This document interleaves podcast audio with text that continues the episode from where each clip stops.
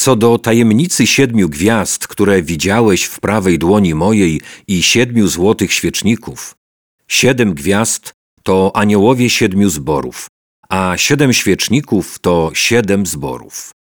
Księga Apokalipsy, rozdział pierwszy, wers dwudziesty. Pierwszy rozdział objawienia Jana przedstawia niesamowity opis kogoś podobnego do Syna Człowieczego, Jezusa, przechadzającego się między siedmioma złotymi świecznikami. W wersecie dwudziestym czytamy, że siedem świeczników oznacza siedem zborów w Azji Mniejszej.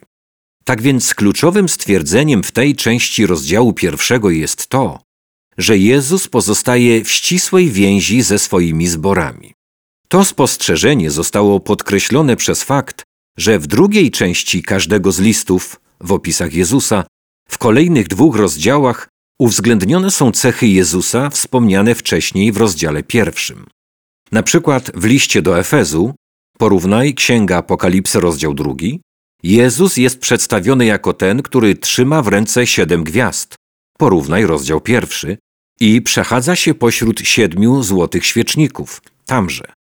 W liście do Smyrny, rozdział drugi, jest pierwszym i ostatnim, który umarł i ożył. Porównaj rozdział pierwszy. W liście do Pergamu, rozdział drugi, występuje z ostrym, obosiecznym mieczem. Porównaj rozdział pierwszy. Innymi słowy, Jezus przedstawia się inaczej każdemu z siedmiu zborów. Żaden zbór nie otrzymuje jednego pełnego obrazu.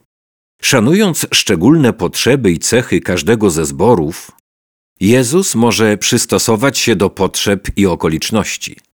Inaczej mówiąc, stosuje różne podejście do różnych ludzi. Z tych opisów wynikają niesamowite wnioski w kontekście codziennego chrześcijańskiego życia. Z jednej strony, Jezus wie wszystko o każdym ze zborów, zanim jeszcze one uświadomią sobie Jego obecność. Wie także wszystko, co może wiedzieć o mnie, zanim mu to powiem. Oznacza to, że nie musimy niczego przed nim ukrywać. On wie wszystko. W nim prawda o mnie jest bezpieczna. Ponieważ on zna nas lepiej, podchodzi do każdego z nas tak, jak tego potrzebujemy.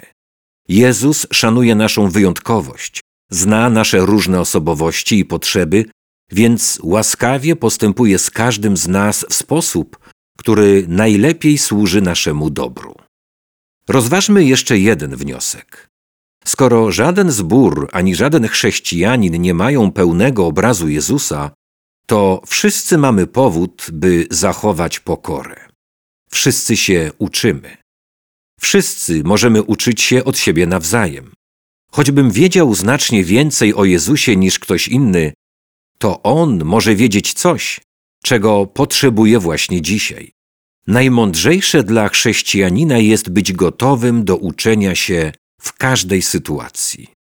Panie, pomóż mi uczyć się od każdego, kogo spotkam dzisiaj na swojej drodze. Pomóż mi dzielić się z bliźnim tym obrazem Ciebie, który mi dałeś.